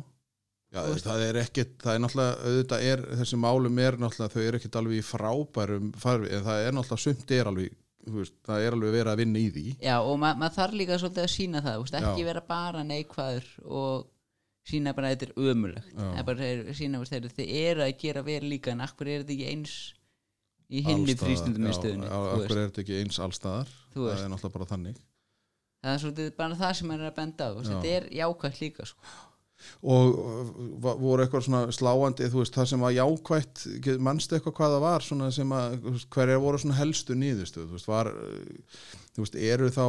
kannski meira nýrri húsin sem eru að því að það eru náttúrulega nýja reglugerðir þú veist, eru, við- er verið að fylgja þessum, öllum þessum paragröfum og reglum og, þú veist, ég veit ekki hvað þetta er bara náttúrulega miljón hlutir sko. Já, náttúrulega geta skilt sig á baku það að vera ekki í húsnaði sem er ekki liftað í eða, já, þú veist, já, ég er Það nú er hægt. aldeilis í þannig húsnæði þannig Já, að það þú er- veist, þau þurfa að fara í gegnum káir sko og þannig upp sko já því að- ég með tók út þá félagsmyndstöð, já, frosta, frosta já, ég, þá þurfti ég með þetta að fara á skennum KR, fá líkil að liftunni hjá starfsfólkinni í ágræslinni mhm til þess að komast upp og þetta var svona að fara hann inn og svona rampur sem er og það er ekki smikið pláss frá rampurum og upp á næsta vegg sko, þannig að við getur ekkert að passa að klessu ekki á vegginum úti Já, nákvæmlega Það er Þú veist, það sem ég- þetta- það sem þetta ég er- man, sko. já, já. En, en, en þannig að þetta þú veist, að, að, það er sem sagt, en samt er eitthvað gott Já, einhvers ég, staðar. ég fór í set, uh, fókus upp í sem reynan ásels já, eina sem ekki gætt bent á þar var að fatlega klústi og nota sér geimsla þannig að það var þrengra en það átt að vera en þú veist, ég gætt samt bjarga mér hann inni já. Hefði- fókus er í, grafarholti í grafarhaldi já. Já. en er þetta ekki svolítið klassíst Þetta er að svolítið- þegar að, að loksins að kemur einhver sem er í hjólastól og maður þarf eitthvað frá höfðáli ó, já, heyrðu, Já. fallaklústi það er, við erum búin að nota það sem geimslu Já, þú veist, ég, ég komst á klósiti sko, en já, það hefði samt að máttu vera rúm betra já, svo fór ég í keldiskóla fór í pú, púkin já það var mjög flott Já, en Náttúrulega nú er, ein- nú er það er náttúrulega einna nýju eða, sess, það er svolítið náttúrulega nýr skóli Já, líka og eða, ef mitt sess, þú inn í skóla já, þú veist, já, það það mun- sem að er uh, svona aðrar kröfur kannski já, og ekki í þessum sérstöku húsnæðum já, svo fór ég sér í bústæði já. en ég fór bara upp á tröppunum og tók bara mynd af þeim og bara sagði, "Ég komst ekki lengra Nei, það er náttúrulega svolítið erfitt að húrrast niður í kjallara já, og þetta er verið kjallara og ég fyrir, í- ég fyrir samnaðar heimili Já, þetta er Und- gjössalega undir galið sko. safnaðarheimilinu í bústæðakirkju já, þetta er náttúrulega gjössalega galið sko. já, en góð félagsmyndstur samt Ég byrjaði að fyrir mér þar hana, já, ég, þetta er örugglega- og flott fólk sem er stjórnarinn sko. en þetta er bara auðvitað er, en það er náttúrulega líka það sem að kannski við tölum um eins og með Vesturbæn í Reykjavík að hann er náttúrulega bara svo gamall eða þú veist að það er ekki, sko, jú, nýju húsin eru væntala og vonandi með allri aðstöðu en, en þú sér bara öll einbílshús í Vesturbæði nánast, já, þetta er alltaf fyrir tveim þeirrum hæðum að ég gæti svona ekki búið í einbílshús í Vesturbænum nei, og, að þetta er já. alltaf á einhverju svona og þröngir stigar og þú Já. veist að þau eru, þetta er náttúrulega ekki byggt þannig á þeim tíma eða, þú veist, að það- algjörlega, algjörlega þannig að þetta er svona fáralt eins og það er þannig að, að þú tekur þetta út og það er náttúrulega þetta þetta er náttúrulega alltaf í umræðinni og, og svona og svo erum við náttúrulega bara við hinn erum kannski dónaleg sem náttúrulega bara verður að segja það er náttúrulega ástæða fyrir því að stæðin eru blá já, og já, þú veist að þetta er fyrir út af þetta er út á dollu þetta er út það, að tóka já, þú veist, eins og, eins og krakkarnir segja en þegar að, að sko, þegar þú kemur svona inn í eins og þú segir, þú veist, þetta, þetta er svo stórt þú veist, og þú ert náttúrulega kannski alltaf í annari hæð heldur en við hinn sko, hvernig hugsaði, þú veist, þú segir eins og þú kemur í kennu og, og, og stakkalíð og þú bara, vá þú veist, ég þekki eitt hérna. í það já, og, og svo er allt einhvern veginn 70.000 sinnum stærra Þú veist, þetta var smá plat en, eh, og ígjur en, en þú veist, hva, hvernig hugsaður þegar þú sást þú veist bygginguna og svona, þú veist, hver, varstu alveg bara, ó, ég vona að þetta sé í lagi þurftu Já, þeir nei. til dæmis þurfti, þurfti háskólin að gera mikið í stakkalíðinni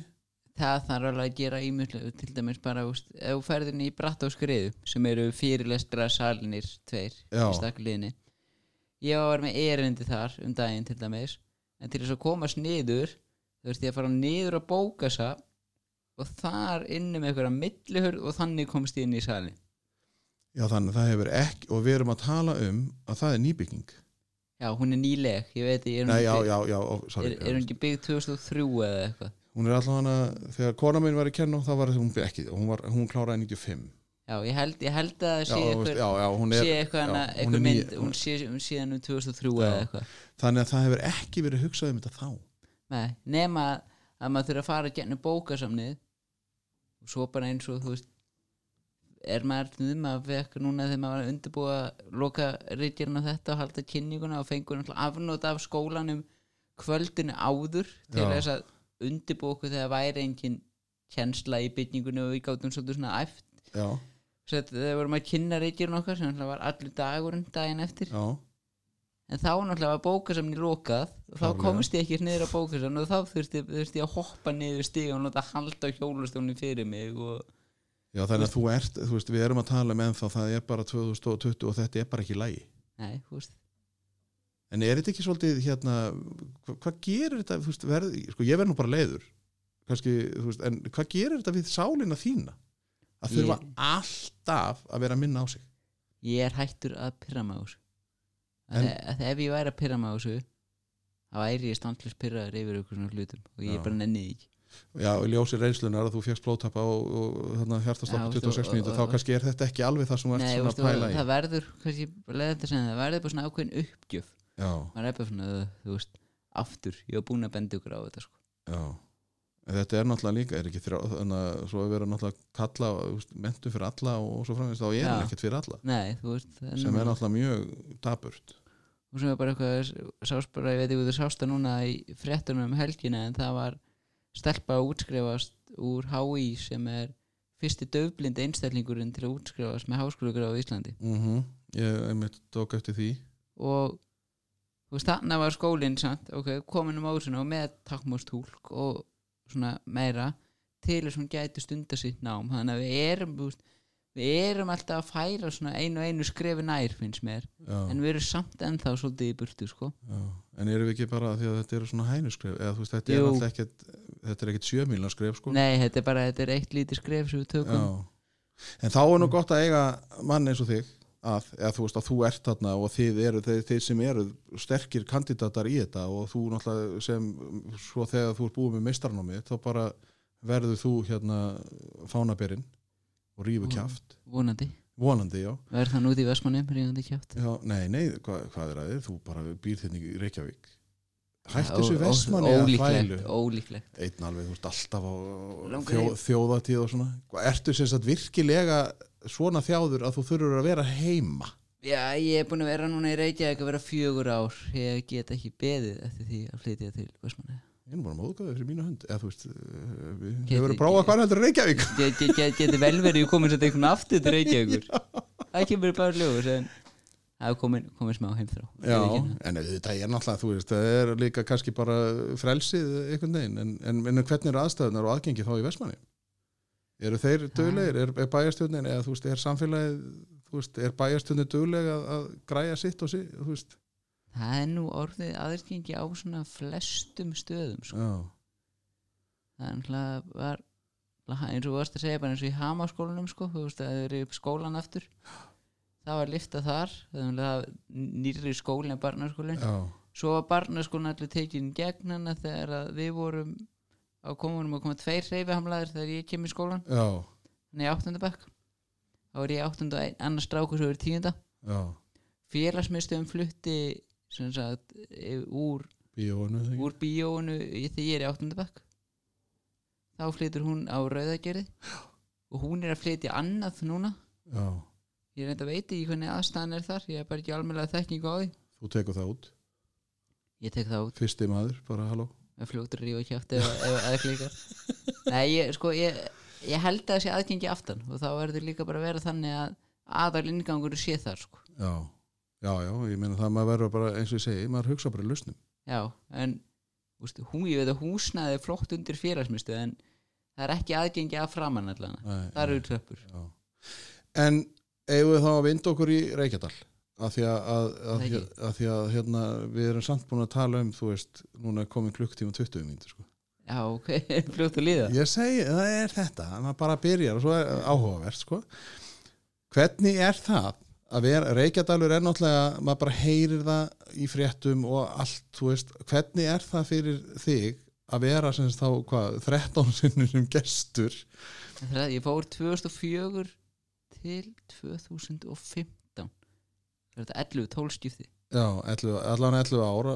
þannig já, 12 Já. skipti hvernig er að vera þá, þú veist að því að nú er samsetningin þar bara hún er nú á öllum skalanum sko. að Mér fannst það stórkostlegt sko. en ég meina, Það- varst, náðu þú varst þú þá bara einn af starfsmennunum eða? Já, og svona ég kem annarlega fyrst þessi 2004 Þar kynnumst við nokkrir sem að erum hreyfihamlaðir Já, og þetta var á þeim tíma þú veist, alveg til, þannig til ég flytti í bæinn náttúrulega. þá bjó ég, voru fjórir svona kjarni sem að koma hann svona rosalega lengi þá bjó ég í Vassmannum eitt bjó ég býr í Hafnafyrði eitt býr á Blöndósi og eitt býr á Akureyri þannig að þið eru bara dreifður út um allt já, þannig að þú veist, þetta var svolítið svona okkar bara saman staður já. til þess að vera saman Og, er, og þið eru vantilega ennþá vinir já og höldum sko. saman disko já, og eru þið búin að stopna þá félag hérna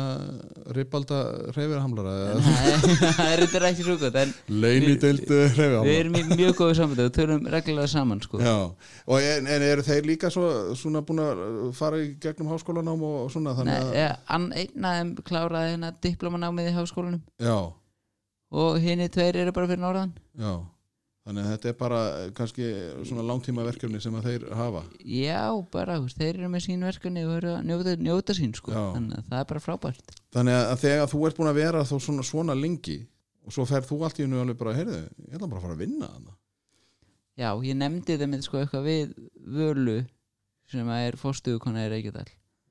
bara eitthvað hvort það væri möguleik á að ég gæti unnið hana Já, og hún bara fyrir já, það er ein staða svona sem þú gætir sínt þú veist að því ég er ekki að fara að vippa einstelling úr hjólustól og klósett eða þú veist, Nei, eitthvað, nei, eitthvað nei, svoleiðis já, svona já, almenn já. umönnun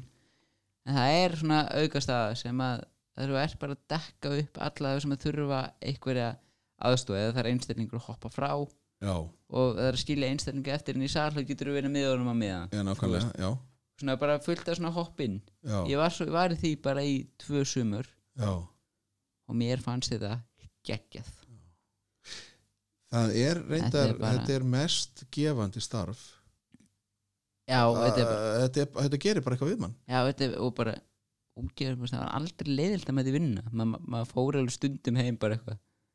það var erfiðu dagur en samt vaknaði maður daginn eftir maður var alveg, ég gýra hérna dag, þetta Já. verður gaman já, Þú veist, það er komalega erfiði dagar sko, en þetta er samt, þetta er rosalega skemmtilegt og gefandi og bara stórkostlir einstællingar Já. sem maður hittir sko. en varstu þá, voru kannski einhverju starfsmenn sem að voru, sem sagt, þegar þú varst Já, já, og hvernig var það þá? Bara, hæ, ég er komin en ég er starfsmæður já það, var, það var skemmtilegt sko. já, ekki? Það er strákar á mínum aldri sko. já, Já, ég held að það hef verið þrjú sem voru að vinna hana með, ef þú sett, ánvölu já, sem fórstuguna um sem að vera hana frá því ég hætti að koma og byrja að svo vinna hana já. þú hefur nú ekki verið erfiður þegar þú varst annað Nei, það fór rosa lítið fyrir okkur er það ekki, voruð þið ekki bara sjálfur einhvers staðar út í hotni Jú, Eh, bara, veist, ég held þetta að vera með verið þannig seinasta sumar okkar, þá voru sko vaktstjórnir ekki með einstaklinga, já, en þeir voru settur á okkur fjóra þegar við vorum bara hvað að gera það sem við vildum já, nákvæmlega þetta var, þetta var mjög skemmtilegt svona stöði kringum ykkur já, þetta var, þetta var gaman gera það einhvern tímann, það ákveðu strákunir að taka all-nighter, þetta fóru ekki að sofa voru bara að spila við nætuvöktunum en að nætuvöktu sko gaustu og taka þvóttavælinu og gera það sem þú út að gera já, nákvæmlega, svo var bara hangin í matsal og svo en það fóð nú ekki eins mikið fyrir okkur og við sváum bara til hátegi svo voru bara svona típiskir úlingar annars já, sko. já, þetta hefur verið geggjaði tími en það líka, Reykjadalur er náttúrulega lendi í smá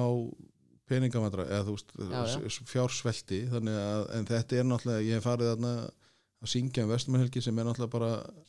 ó, þú veist, það er ekki hægt að lýsa því hvað er gaman að, að bara gera smá þakklætið og allt, sko, þetta er þannig að, að og þekki nokkra sem er búin að vinna þarna og það eru allir, það er bara einhvern veginn og meira þessi ársæll sem er hérna prófessor, hann talaði um Reykjadal, sko já, já, við fórum einmitt núna í fyrra sko, sem þetta er seinasta árin í tómstundfræðinni já, og fórum við, okkur fannst vanta á svona seinustu ferðina sem við færum í bekkurinn já, og fórum í Reykjadal sem sagt, það var ekki neitt í gangi nei, og legðum sem sagt,